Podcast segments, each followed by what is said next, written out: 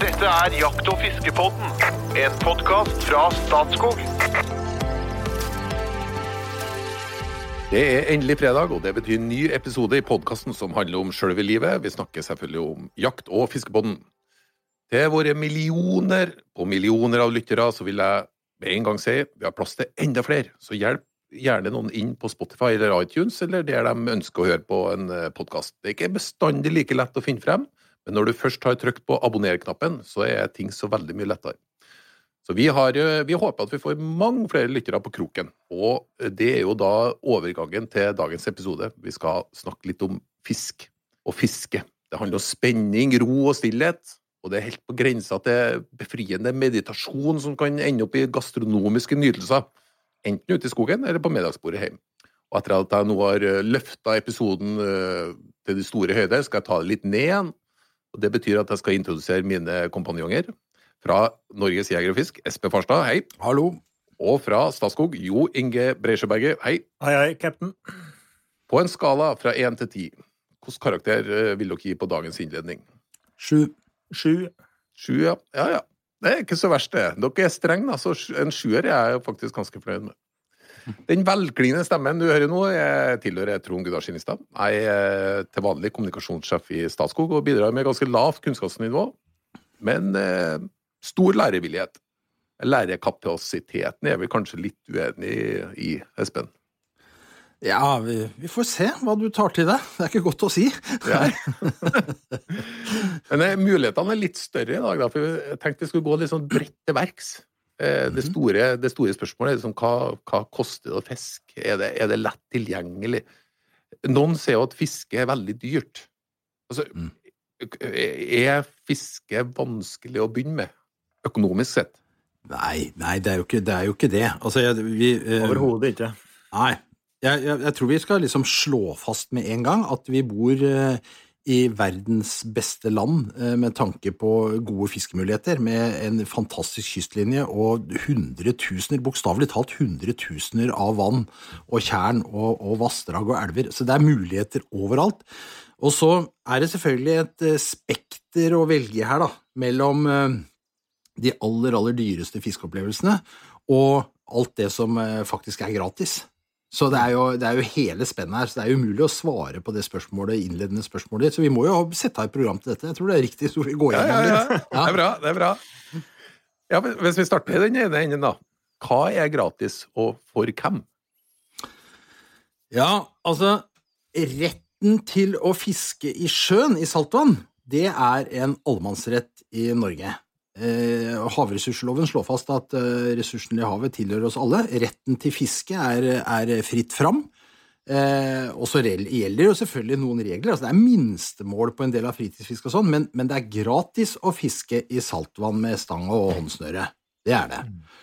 Eh, og det er jo fantastisk.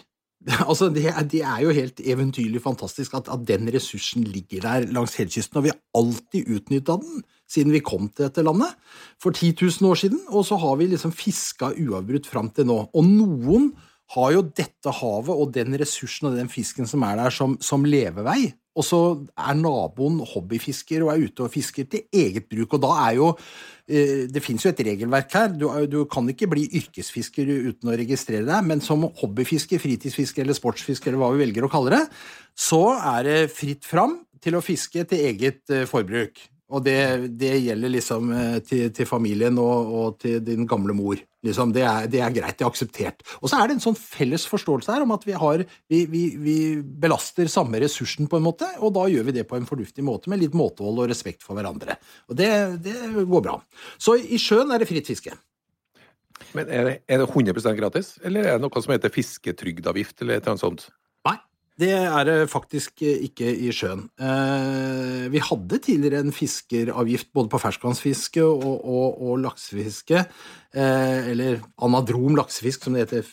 Den er igjen. Altså hvis du skal fiske laks, sjøørret og sjørøye i ferskvann, i ferskvann, altså i elv eller, eller ferskvann, så må du betale en statlig fiskeravgift. Det er riktig. Ja. Men det, er også den, det gjelder altså ikke når du går ut og steller deg på svaberget for å fiske makrell eller torsk eller sei. Mm. Så, Eller, så, eller annen innlandsfisk, da. eller annen innenlandsfisk. Nei, det er riktig. Så Så sjøen, sjøen er gratis. Sjøen er gratis. Det er den. Det, det er jo egentlig ganske smått fantastisk, da. Å tenke på er det tre fjerdedeler cirka av Norges befolkning som bor i nærheten av kyst og, og sjø. Da. Så, eh, det, det, er jo, det er jo litt av grunnlaget for vi bor her. Å ha den ressursen eh, mer eller mindre rett utafor der, Og i all hovedsak eh, veldig bra kvalitet på fisken. da. Og, og greit med fisk, da. Nå er det jo noen restriksjoner rundt omkring, men i det store og det hele så har du jo matfatet rett og slett utenfor døra. Det er ganske Og mange arter. Mm. Og lang sesong. Du kan jo fiske egentlig i prinsippet hele året, da. Kan fiske hele året. Mm. Men uten at vi dykker inn i det, for det, må, det må vi nesten gjøre sånn artsmessig eller fisketypemessig.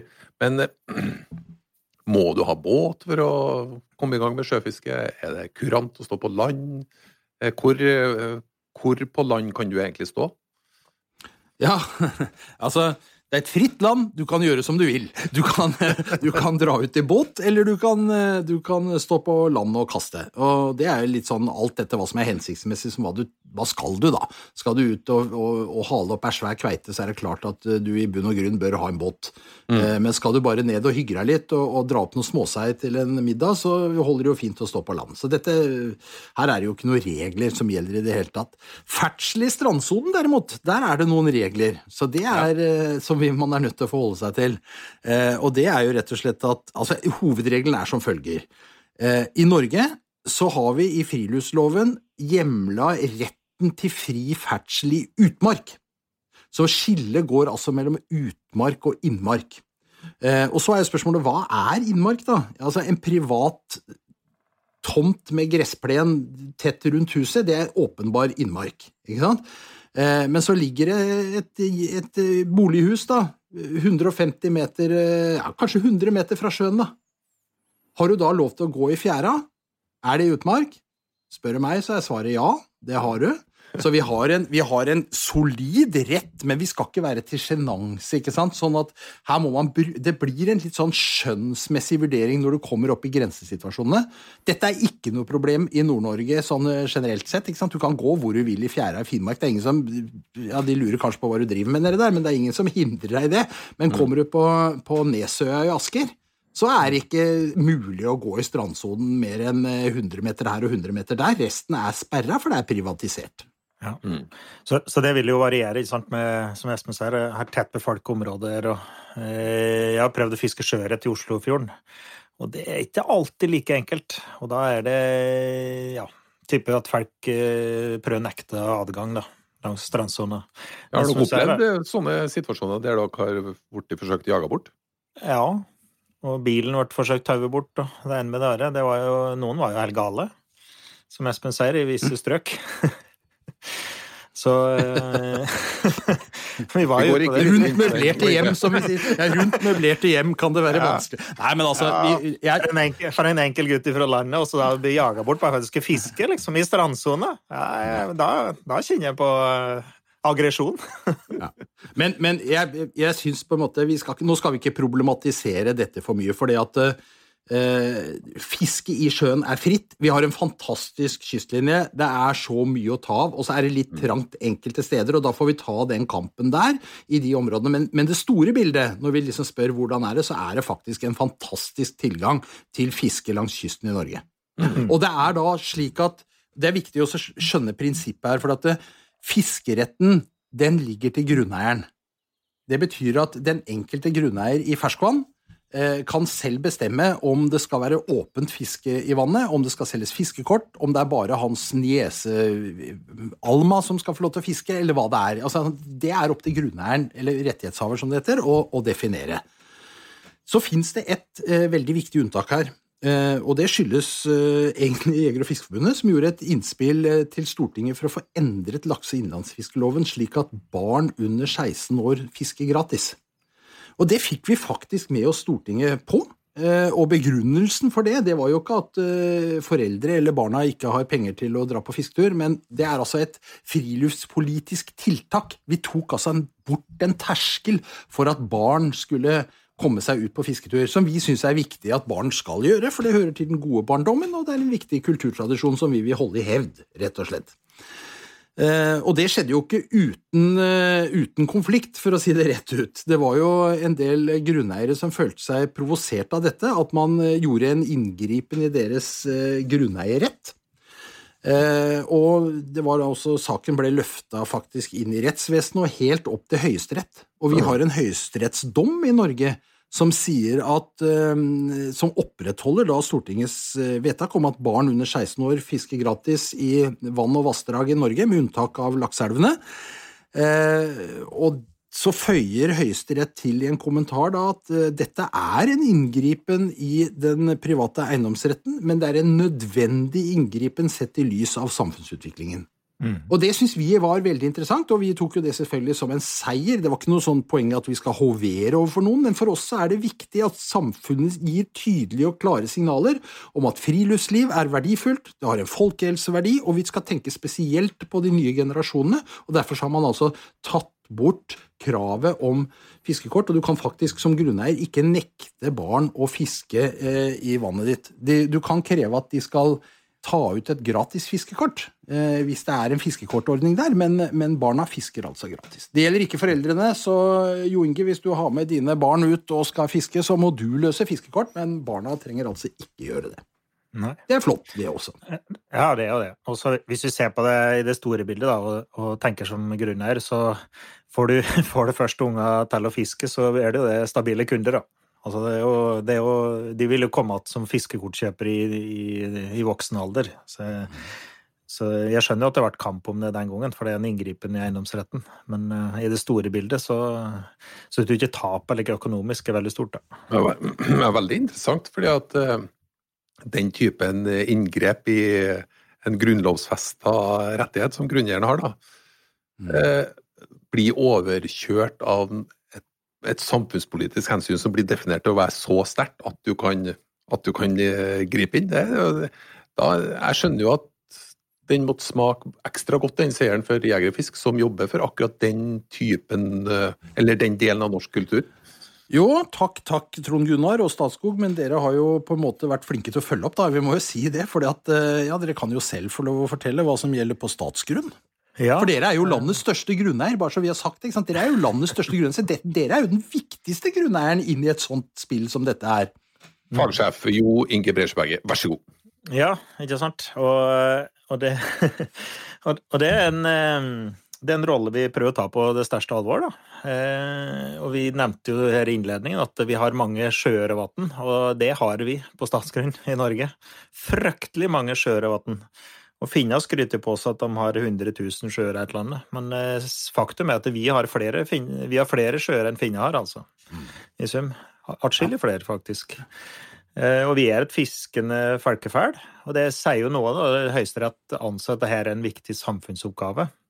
Og det må vi da i Statskog selvfølgelig ta på det største alvor. Og vi har utvidet den retten til å fiske gratis da, til du er 20 år, til du fyller 20. Og i tillegg så har pensjonister da, over 67 har gratisfiske. Så det er de eh, mellom 20 og 67 da, som må betale fiskekort hos oss. Mm. Og det er jo ikke slik at det, det blir ruinert heller til å ta an et fiskekort. Det koster noe ja, på 65 kroner for en dag, eller 800 for en familie. Det er vel det dyreste kortet vårt. 805 for en familie for et helt år. Og det Ja. Det burde jo ikke avskrekke noen fra å fiske, i hvert fall. Nå ser du Jeg har vært en del i USA, og ser du der, der er fiske dyrere enn småviltjakt, f.eks. Der er fiske regulert i helt en annen setting enn det er her i Norge, da. Ja, apropos det. Vi, jo, vi er jo gode på bulk, kan du si. Vi har kjempemange fiskevann. Men er det noen som er Eh, eh, altså, Finnes det noen luksusvarianter på innlandsvannet her, der de, de, har brukt store ressurser på kultivering og kan ta seg ganske godt betalt for fiske? Finnes det noen sånne? Ja, mange. Ja, ja. Ja, mange eksempler på det. Altså, som, et, et, område som var tidlig ute og, og definerte liksom området sitt til å være særlig verdifullt for en spesiell gruppe fiskere, det var vel kanskje Hemsila. Altså Hemsila. elva Hemsila eh, øverst i Hallingdalen eller sideelv til Hallingdal, da, som kommer inn. Det er en nydelig fjellelv, stilleflytende, vakker eh, med et kjempepotensial og, og med, for ørretfiske. Eh, og her drev man jo, starta man tidlig opp da, og lage et litt mer eksklusivt fiske. da, Begrensa antall fiskere, litt strenge fiskeregler som opprettholder et, et godt ørretfiske med minstemål, maksmål, bruker mye catch and release i forvaltninga osv. Eh, og noen syns jo dette er fantastisk, andre er mer skeptiske til dette, men det er jo noen som da har utnytta en ressurs til næringsutvikling, rett og slett. Mm. Litt, litt, det samme som Renaelva på Harr f.eks. har gjort det. Og mm. Det er jo typisk å lage egne fluefiskesoner, eller at du begrenser antall fiskere, og så får en visst preg av eksklusivitet. eksklusivitet da. da mm. kan du som regel ta litt mer betaling. Det er jo, det er jo kortversjonen av det. da. Men du kan jo ha i prinsippet like bra harrfiske i Glomma som en naboelv som da er eh, i all hovedsak gratis, eller eh, veldig billig fiskekort i. Mm. Så eh, det, standarden er at det er stort sett Stort sett veldig, enten gratis eller veldig rimelig alternativ i hele Norge. Og så finnes det noen high class, high end-tilbud. Ja, og så er det viktig å si at det er jo ikke alt som er organisert. Altså Senest i går så har jeg nå, nå, er vi, altså, nå er vi i starten på den fine fluefiskesesongen i Sør-Norge. Og sittet, da sitter jeg på kartet ikke sant, på kjedelige kvelder og, og, og, leter og finner, og så fant jeg et veldig spennende vann i går som jeg lette meg fram til. Og, men jeg fant ikke noe informasjon om det på internett. Jeg fant ikke noe salg av fiskekort. Jeg fant liksom veldig lite. Og da endte jeg opp med Jeg måtte ringe til kommunen der, og så fant jeg fram til grunneieren. Og så ringte jeg til grunneieren og spurte hør du, dette vannet ditt, er, er det mulig å kjøpe fiskekort der? Nei, det var det ikke. Nei vel. Så prata jeg jo selvfølgelig da grunneieren trill rundt og endte opp med å bestikke den med ei flaske rødvin, og så skulle jeg få lov til å slippe til på dette vannet. Men, men, noen ganger så må du gå den lange veien og den litt vonde veien på dette. sånn, at eh, det var, det var rett og slett ikke noe fiskeordning, han var egentlig i bunn og grunn ikke åpen for for det, men han var ikke så motstander. Det var ikke så vanskelig, han var en hyggelig fyr, da, bare for å ha sagt det. Men, men det er ikke alle steder hvor alt er tilrettelagt slik at det bare er å gå og kjøpe et kort.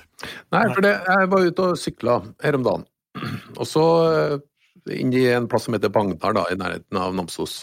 Så sykla jeg litt attmed ei elv som er akkurat sånn perfekt. Det, det, er der jeg vil fiske. Den den er ganske sånn Den er passelig dyp, ganske sånn rolig, ikke så altfor stor. Jeg er helt sikker på at det er ørret. Eh, der ønska jeg fisk. Så da jeg kom hjem fra den sykkelturen, så prøvde jeg å finne ut Ja, hvordan får jeg tak i fiskekort den her, da? Vet du, da sleit jeg. Ja. Mm. Men, men, men, men det, henger, det, er helt riktig, men det henger jo da sammen med at vi har en det vi kan kalle en fragmentert grunneierstruktur i Norge. Altså det er, det er mange tusen grunneiere i Norge sant, som eier litt. Mm. Og, og, det er ikke alle som da har eh, koordinert seg i et grunneierlag, slik at de kanskje har fått en fiskekortordning eller noe sånt. Sånn at du er avhengig rett og slett av å forhøre deg med, med grunneieren eller rettighetshaveren i området. Det må du gjøre. Men vi begynner jo ofte i andre enden. Vi begynner jo med å gå inn på iNatur. Ikke sant? inatur.no på nettet, og så søker vi opp et område, og så ser vi om For det, der ligger det veldig, veldig mye. Eh, både privat og statlig grunn ligger der med, med mm. fiskekortordninger. Hvis det ikke er der, ja, da må man ende opp som jeg med å ringe til, til rettighetshaveren og, og godprate litt for å høre om det er mulig å slippe til. Men, men er ikke nødvendigvis veldig enkelt, da? Liksom, eh, du fant fram til eh, grunneieren. Du måtte innom kommunen for å finne ut hva som grunneier. Og det, mm. eh, ofte, ofte, så er det flere grunneiere òg. Altså, mm. Det er jo vanlig at eiendomsdeler går i djupen, Altså, den går i, ute i vannet eller i elva. ikke sant? Så det kan være forskjellige grunneiere på hver side av et vann, f.eks. At vannet mm. er dele. Mm. Eh, og det kan være mange grunneiere òg, hvis det er litt større vann. Så det, det, å finne ut hvem det er som har det, og, og hesten, hesten, er organisert, det behøver ikke å være enkelt.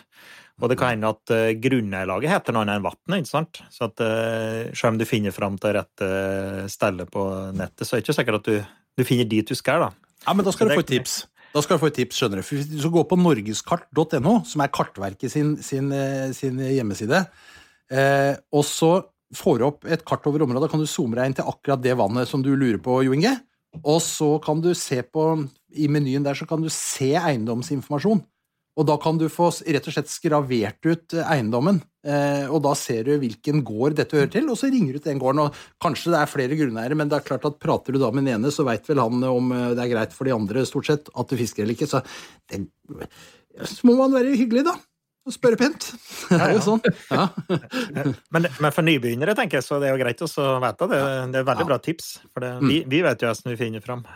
Må, Og, og samtidig òg så er det som du ser da, det er fragmentert eiendomsstruktur. Og liksom i Hemsila, der vet grunneiere hvem som er grunneier i Hemsila, og der har de en eh, inntekt, ikke sant, så det betyr noen ting.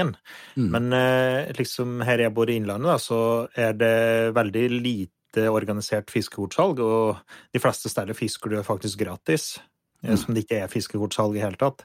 Og, og der betyr eh, Fiskekortsalget betyr jo ingenting. Og I den grad det har vært fiskekort, så har det vært veldig billig kort, for folk er ikke interessert i å betale mye for å fiske ebber og gjedde og mort og, og det det måtte være. da. Og det er klart, det, det, har, det har ofte en sammenheng, det òg. I den grad det er et fiske som er attraktivt, så er det som regel organisert, og det betyr litt for grunneiere. Da er tilrettelegging ofte deretter òg.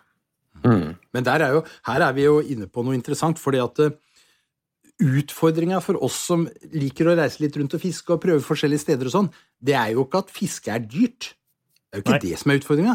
Det er jo ikke fiskekortet som er problemet. Det er der det ikke er fiskekort at det er problemet. ikke sant? Ja, Så, så vi hilser jo organisering av fiskekortområder velkommen, ikke sant? Og veldig ofte er det jo også jeger- og fiskeforeninger som gjør en kjempejobb på dette, som organiserer eh, områder i nærheten av der de har nedslagsfeltet sitt, og, og, og legger til rette. Og jeg må jo bare nevne at i disse koronatider så, så ser vi jo en eksplosjon i interessen for å fiske i nærområdet, altså i, i, hjemmeområdet der hvor folk bor. Eh, våre foreninger rapporterer jo om en to- og tredobling av fiskekortsalget i år i forhold til tidligere år. Og, og nå kommer det på en måte for en dag at verdien av det arbeidet som jeger- og fiskeforeninger legger eh, i, i det lokale miljøet ved å tilrettelegge for fiske, om det er kalking eller ivaretakelse av gytebekker eller utsett av fisk eller hva de holder på med, det ligger der som en, som en litt sånn eh, halvskjult eh, perle som alle kan bruke. Og i år så har man tatt med seg fiskestanga fra boden og dratt ut i skauen med hengekøye og unger og, og har fine dager. ikke sant? Og det er fantastisk, og det viser noe om verdien av liksom det, det lille, grå, hverdagslige arbeidet som foregår der ute i skogen rundt vann og elver og bekker eh, av våre folk, og, og av en masse grunneierlag. Mm. Og, og forhåpentligvis at flere får øynene opp for at eh, For det første så er det de fleste bor i nærheten av et fiskevann.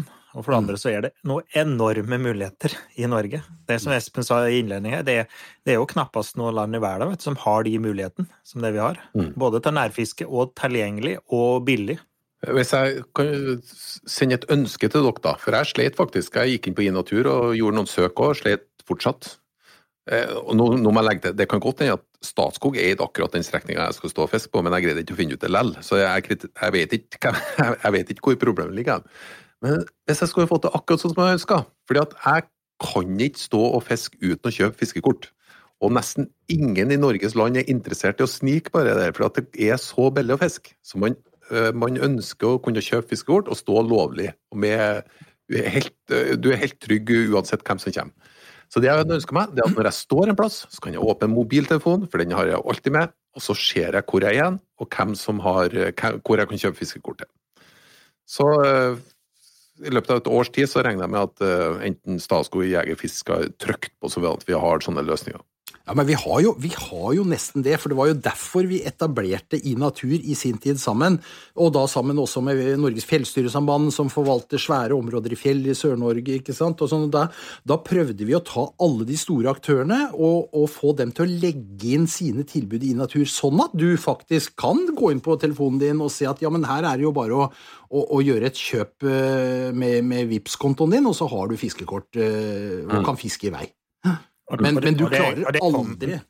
Nei, men, men det kommer, tror jeg, da. Vi, altså, du får eh, det, Vi har jo pratet om det tidligere i Natur, og det å, å georeferere korta. Så at du kan, når du kjører på ferietur og har eh, ja, Om det er en app eller hvordan vi løser det rent teknisk, det vet jeg ikke ennå. Men at du kjører f.eks. med en app, da. Og på kartet, den vet hvor du er på kartet. Og da får du opp eh, den som da har fiskekortsalget i nærheten. Altså kjøp fiskekort her. Du ser det vaker et vann, du kjører langs E6-en, og så er det Statskog, f.eks. Ja, kjøp norgeskortet. Så er du i gang. Men, men, men det, den tjenesten vil jo aldri bli bedre enn Uh, hvor mange av grunneierne det er som finner verdien av å legge seg inn i natur. ikke sant? Det blir litt som, altså I natur er jo på en måte bare jakt- og fiskekortverdens svar på Finn. Ikke sant? Altså, hvis, hvis du har lyst til å kjøpe deg en gitar når du er på ferie, Trond Gunnar, så kan du selvfølgelig gå inn på Finn og se hva som selges, men du kan ikke forvente at det er en gitar i alle husa. Sånn er det ikke. Nei, akkurat den jeg forstår ikke, for det er helt uinteressant for meg å kjøpe gitar. Men derimot, hvis det hadde vært et piano, så hadde det vært ganske interessant. Jeg beklager. Ok, Ja, men altså er det, det er jo et lite spark til grunneiere òg, ikke sant? Um, Espen prater om den kampen for, eh, for seks, opp til 16 år å fiske gratis. Og så er det jo et lite paradoks da, at det er såpass lite organisert fiskekortsalg. Særlig på innlandsfiske. Mm. Altså, det, det, I den grad det er en rettighet, og det er jo fortsatt en rettighet, da, men at du skal kjempe for den rettigheten, så er det jo fortsatt folk som er villige til å betale for å fiske der. Da må jo òg grunneiere ta seg på tak, da, og organisere noen eh, eh, Et fiskekortlag, da. Ikke sant? Mm. Men mange, men, men mange gjør jo det, da, syns jeg. Altså, jeg det, det er mange steder når du reiser rundt i Norge at det er veldig lett å få seg fiskekort og lett å komme til, og det er mange som gjør en god jobb. Og det er mange, det er mange flinke, idealistiske sjeler der ute også, så vi må bare passe oss for å ikke kjefte opp de som gjør en god jobb. Vi må ikke vi, Ja, jeg faller. Du veit åssen det er når du kommer på, på dugnaden i velforeninga di, ikke sant? og så får du kjeft fordi det er så få der. Ja. Sånn skal det ikke være. Nei. Okay. Nei, det altså det- gratis. Eh, innlandsfiske gratis opp til 16 år. Hos Statskog opp til 20 år og over 67. Eh, hovedsakelig så finner du enten fiskekortet via i natur, eller hvis du ikke ligger der, gå på Norgeskart, så finner du ut hvem som er grunneier, og begynner å, begynne å godsnakke med grunneier. Stort sett så vil det etter all sannsynlighet gå bra. Men så har vi noen som er litt mer sånn Vi har en god del eh, næringsvirksomhet knytta til en del fiske. Og da tenker jeg kanskje spesielt på, eh, på lakseelver. For de står i en litt sånn spesiell eh, posisjon. Ja, det gjør det jo, for at uh, i veldig mange norske daler så renner en, en lakseelv ut i sjøen, og det har jo vært en viktig del av næringsgrunnlaget for de som er grunneiere langs vassdraget i mange, mange år. Fordi betalingsvilligheten er større på laks. Det er jo en fantastisk fisk, den har en større verdi, og da, da er det noen kroner i omløp her. Og, og det varierer fra det helt sinnssykt dyre og eksklusive hvor man betaler kanskje hundretusener for å få lov til å fiske på de beste strekningene på den beste tida, til et eh, tilnærma innlandsfiskenivå på fiskekortprisene, hvor du kan kjøpe laksefiskekort for en rimelig penge. Så her også finner du hele spennet, rett og slett, eh, med, med, i, i prissetting. Ja, for det, det som er mest kjent, er jo de veldig veldig tilrettelagte. At det er kostbare løsninger der du egentlig blir tatt vare på døgnet rundt. Du har en roer, og du har eh, full bevertning 24 timer i døgnet og full pakke. Men det finnes jo alle muligheter også i lakseelver. Ja, det gjør det. Ja, ja. Jeg tror vi, vi, skal, vi skal vokte oss for å bygge opp under den myten at laksefiske er kaksefiske. Det er ikke det. Dette er, et, dette er et fiske som favner alle, og det er en eh, 70 000-80 000 eh, som løser denne lakse, statlige fiskeravgiften, da, som du må gjøre for å fiske laks i elv, hvert år.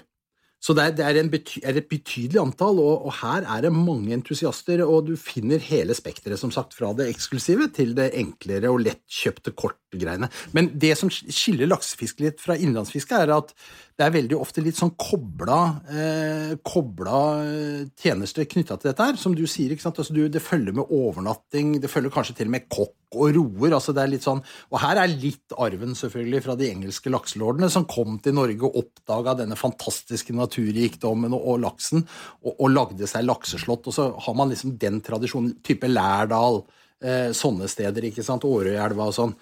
Men eh, oppe i Namdalen, hvor det holder hus, Trongen, Trond her er det ikke vanskelig å slippe til i noen smådrakselver når, når det har regna litt på høsten, som det jo gjør oppe hos dere, og flommen går og laksen kommer, da, da kan man ut og fiske laks, ikke sant? Mm. Mm. Er en, en ekstra ting jeg lurer på om eh, lakseelver. fordi Vi snakker om over, over det laksen går, så er det ørretfiske. Mm. Er, er det særskilt regulert, det òg? Nei, det er, da er du på innlandsfiske, så da er det helt ordinært innlandsfiske som, som gjelder der oppe. Det kan selvfølgelig være noe sånn smittevernhensyn, at du, at du må desinfisere utstyret fordi man er redd for å få spredning av lakseparasitten gyrodactylus og litt sånn, men, men fiskekortsalget i en lakseelv ovenfor lakseførende strekning er det samme som i en ørretelv på fjellet, i prinsippet. Mm. Kan være veldig bra fiske. Veldig. Mm. Mm. Ok, hvis, hvis det er noen som sitter og hører på nå, en, mor som har uh, blitt noe veldig inspirert, skal ta med seg sine to døtre, vil ut og fiske, men har egentlig er veldig usikker på fiskeutstyret. Hva trenger hun å få tak i for å komme seg ut? Det kommer jo an på hvor du skal, da. Skal du fiske laks, eller skal du fiske sjøen, eller skal du fiske abbor i hagen til Jo Inge? Du vil du anbefale at man starter? Ja, hvis man skal fiske med barn, så vil jeg anbefale at man starter et sted hvor man er garantert å få fisk. Da må man i hvert fall ikke satse på laksefiske. Sjøen er kjempefint, eller for den saks skyld eh, litt sånn småfisk i ferskvann. Eh, Sats på meiting. Bruk eh, mark som agn, eller en sildebit eller en reke. Ja, naturlig agn, ja. Reke eller et eller annet sånt. Sleng ut på bånn, så får du ei flyndre eller hva det er. Det er ikke så viktig for ungene at du får den der svære fisken, men det at du får fisk, at det napper i snøret, at duppen vandrer osv. Og, og, og er jo sånn jeg vil eh, anbefale å gjøre det så nærme som mulig. Altså i nærområdet, eller eh, finne det nærmeste vannet som har litt fisk. Altså hvis du bor nærme sjøen, som typisk sjøen, eller eh, innlandet, da, så, så nærme som mulig. Så at det ikke blir orging og den kjempeturen da, for å, bare for å komme seg dit. Men kjapt ut, kjapt å få fisk. Det Og det finnes et- fins et nettverk her vet du, som kan hjelpe deg. Altså, vi har jo, vi har jo 570 lokale jeger- og fiskeforeninger over hele landet. Det betyr at det er jeger- og fiskeforeninger overalt. Og de, det, er, det, det er jo mennesker med store hjerter for fiske og jakt. Det er bare å ta kontakt med jeger- og fiskeforeninga og si du, hør her, jeg har tre unger, jeg har veldig lyst til at de skal lære å fiske. Hva anbefaler dere? Hvis noen ringer til meg og spør sånn om det i Asker, så blir jo jeg, jeg blir kjempehappy og forteller alt med en gang på hvordan dette skal gå fram. Og I tillegg så er det kanskje organisert en liten gapahuk eller en bålplass, og kanskje er det brygge. ikke sant? Og mange foreninger òg har jo båter til eh, leie, eller eh, altså du får, får lånt en båt. òg. det, det er jo ikke vanskelig å komme i gang. Det er mange foreninger, sier du, Jo Inge. Vi har faktisk organisert dette litt systematisk i Jeger og Fisk. Vi har det sånn at hvis du blir medlem i Jeger og Fisk, så øh, kan du få tilgang til en båtnøkkel. Og med den nøkkelen så har du tilgang til 150 båter liggende rundt omkring på gode fiskeplasser i ferskvann, stort sett. Ja, litt i saltvann nå, faktisk, i hele Norge. Og vi har en egen sånn bookingløsning, så da kan du gå inn og booke og si at den helga som kommer nå, da har jeg lyst til å, å låne den båten. Navn og nummer, og så er den båten din den helga. Han er, Så er han, han er ganske god på dere, på dere der, han Espen. Jo, men dette er, dette er jo et fantastisk tilbud. Altså, vi har, det, det er ligger, det ligger 150 ferdig rigga aluminiumsbåter med årer og redningsvester og fiskevann og parkeringsmuligheter rundt omkring i landet og bare venter på deg. Men Det det, er ikke men bedre, det. og det verste er at det er mange flere, vet du, Espen. For det er mange, mange foreninger som hadde båt fra før, eller har, kanskje har en båt i tillegg til den utleiebåten òg. Ja, ja da, men nå høres det ut som sportsfisker som bare strekker arma lenger og lenger ut til siden når vi skal fortelle om fangsten. Det er mer enn nok å ta. Det er masse fiskevann, det er ikke vanskelig, det trenger ikke være dyrt, og vi hjelper dere gjerne. Kan ikke bli bedre enn det, vel? Nei. Og, og typisk da naturlig agn kanskje det sikreste å starte med. Eh, Altså Er du i Innlandet og skal fiske, så er det en, en meitestang og med snøre, krok og dupp. Du trenger og merk, da, selvfølgelig. Du trenger ikke, trenger ikke mer. Dupp, det syns jo jeg er stas, da. Det er stas. Dupp er moro, det. Ja. Unger også skjønner det. Ja. Nei, Altså, Målet med dagens episode var egentlig å gi et litt sånn riss på overflata og sette ting litt i, i Plassere ting litt. Sjø, sjøfiske, innlandsfiske, elvefiske. Eh, konklusjonen er at eh, dette er lett tilgjengelig. Det er eh, Meninga med livet er veldig lett tilgjengelig. Lite som skal til, og det er veldig rimelig å gjennomføre. Eh, Da hadde jeg tenkt faktisk allerede nå at vi skulle gå ned for landing. Eh, Hvis du som lytter treffer noen som ikke har hørt Jakt- og fiskebåten, så vil vi at du tar tak i situasjonen og verver folk inn på podden, på sosiale medier, overalt. Gi oss gjerne en rating på Facebook og, og på iTunes. Men eh, Jo Inge og Espen er jo klar for en liten hot or not før vi stenger.